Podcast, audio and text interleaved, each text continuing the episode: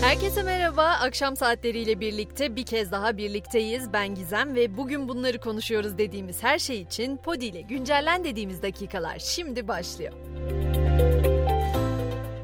Batı'da yaşanan Kur'an-ı Kerim provokasyonlarının ardından İstanbul'da başkonsolosluklarda bir bir kapanmaya başladı. Hollanda, Almanya, Fransa, Belçika ve İngiltere'nin ardından bugün de İsviçre Başkonsolosluğu geçici olarak kapatıldı. Güvenlik gerekçesiyle kapanan başkonsolosluk sayısı böylece 7 oldu.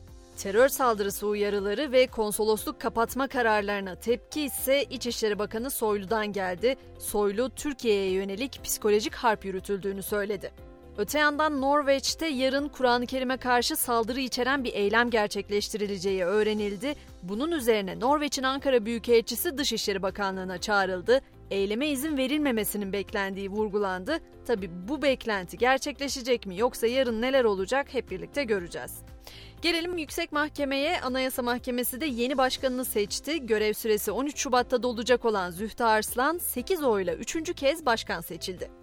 Bugün bir yandan da havaalanında gözaltına alınan iki isim çokça konuşulan konulardan. Kuzey Kıbrıs Türk Cumhuriyeti'nden dönen modacı Barbaros Şansal öğle saatlerinde İstanbul Havalimanı'nda gözaltına alındı. Türkiye Cumhuriyeti hükümetini, devletin yargı organlarını, askeri ve emniyet teşkilatını alenen aşağılamak suçundan hakkında arama kararı bulunduğu belirtilen Şansal, ifadesi alındıktan sonra serbest bırakıldı.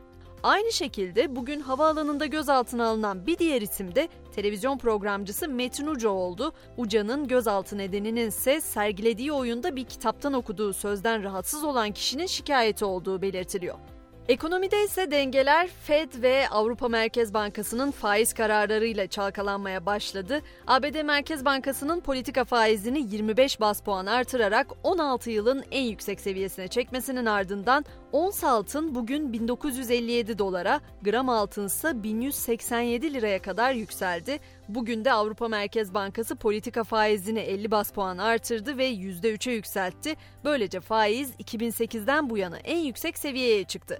İngiltere Merkez Bankası ise yükselen enflasyonla mücadele amacıyla politika faizi oranında son 14 yılın en yüksek artışına gitti ve banka oranı 50 bas puan artırarak %4'e yükseltti.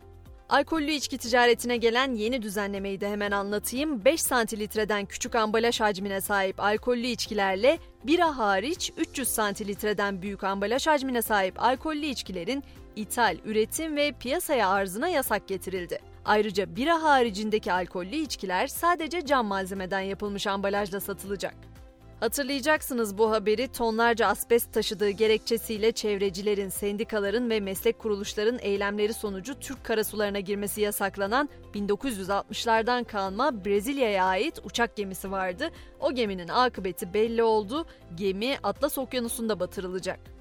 Şimdi şaşırtıcı bir soru sormak istiyorum. 25 euro için çocuğunuzu havaalanında bırakır mısınız? Bu yaşanan olay film sahnelerini aratmadı. İsrail, Tel Aviv'de bir çift çocukları için bilet almadan çekin noktasına gelince bebeklerini bırakarak Belçika'nın başkenti Brüksel'e giden uçağa bindi. Olay uluslararası basında gündem oldu. Bebek için gereken bilet ise 25 euro yani yaklaşık 520 liraydı. Barbie'nin üreticisi Mattel ise ilk skolyozlu bebeğini tanıttı. Oyuncak şirketi Barbie'nin küçük kız kardeşi Chelsea'nin kavisli bir omurgaya ve çıkarılabilir sırt desteğine sahip yeni bebeğini piyasaya sürdü.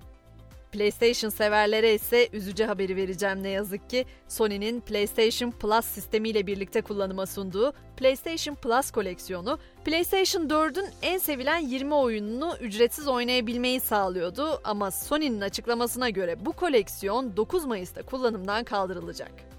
Elbette spor severleri de unutmayacağım. Süper Lig'in 22. haftası bu akşam 3 maçla tamamlanacak. Günün öne çıkan karşılaşmasında Fenerbahçe Adana Demirspor'a konuk olacak. Mücadele saat 20'de başlayacak.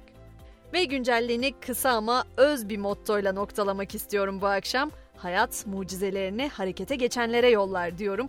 Üzerine düşünelim ve sabah 7'de tekrar görüşelim olur mu? Herkese mutlu akşamlar.